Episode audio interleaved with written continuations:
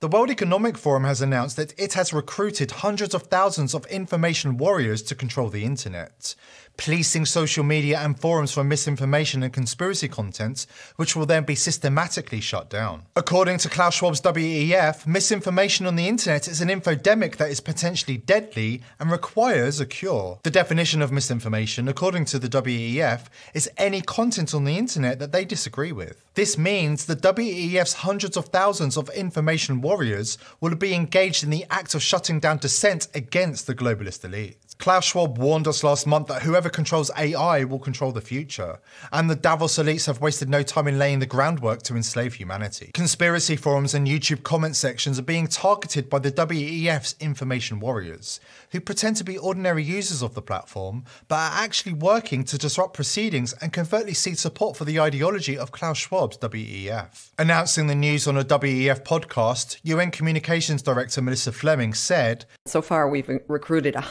110,000 information volunteers.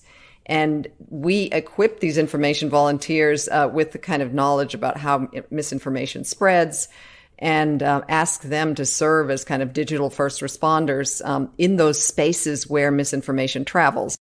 The WEF is subliminally influencing the masses in order to push their narratives onto the people. Also on the podcast, mainstream journalist Mark Little sets out potential solutions to the so called infodemic. Little worked for Twitter and founded Storyful, a social media news agency closely linked to the fact checking program. He has now launched Kinzen, a company which is threatening to use AI to censor online content on behalf of the elites. I've started to see very much the spread of misinformation as a global health crisis. Because only when we think about misinformation in the same way we think about the spread of the coronavirus in a similar way, that misinformation is that serious a threat to our society. Misinformation now is happening within our friends and families. So we have to find strategies to first of all recognize it. And secondly, as active citizens, just like we wear masks to protect others, we need to be the good citizen, the active vector fighting back in our daily lives.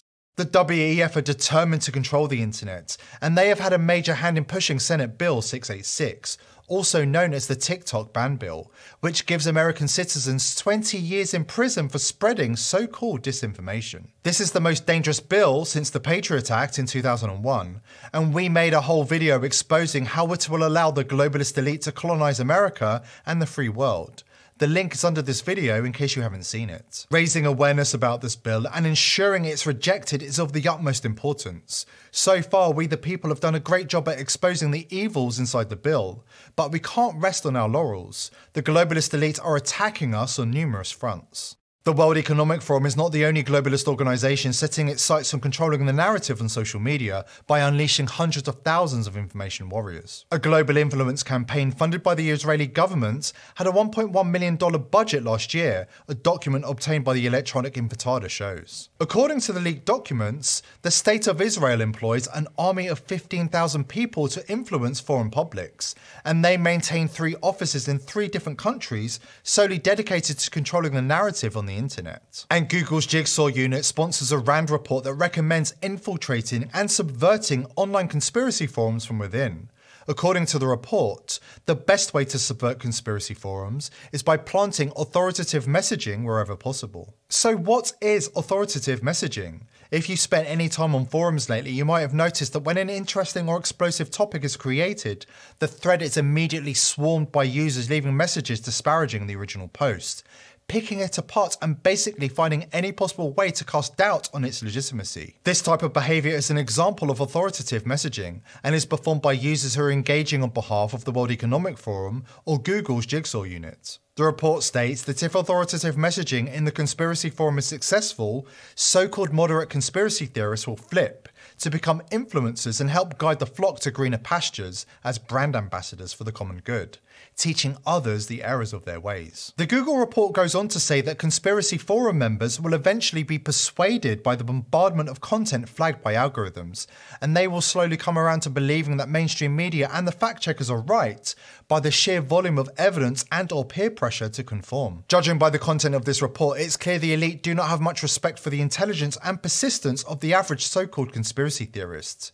This is where they are getting it wrong. The average user of conspiracy forums in 2023 has already proven themselves by rejecting the all fake news mainstream media, despite an endless barrage of propaganda and predictive programming. These are the people who understand that all the world's a stage. These are the people who are already battle hardened. Trying to infiltrate conspiracy forums and social media and subvert certain members seems like a tactic that will be perceived as an intrusion that furthers the divide and leads to even less trust. Having said that, it's important that we understand the nature of the information war being waged by the powers that be. We are part of something so huge right now.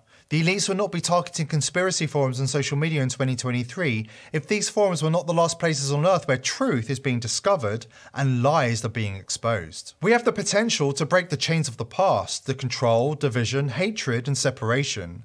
We are literally creating a new world. That's why the control apparatus is so afraid. They know that they can't stop this. The more they lie, the more they deceive, the more they expose themselves, the closer they are to losing control.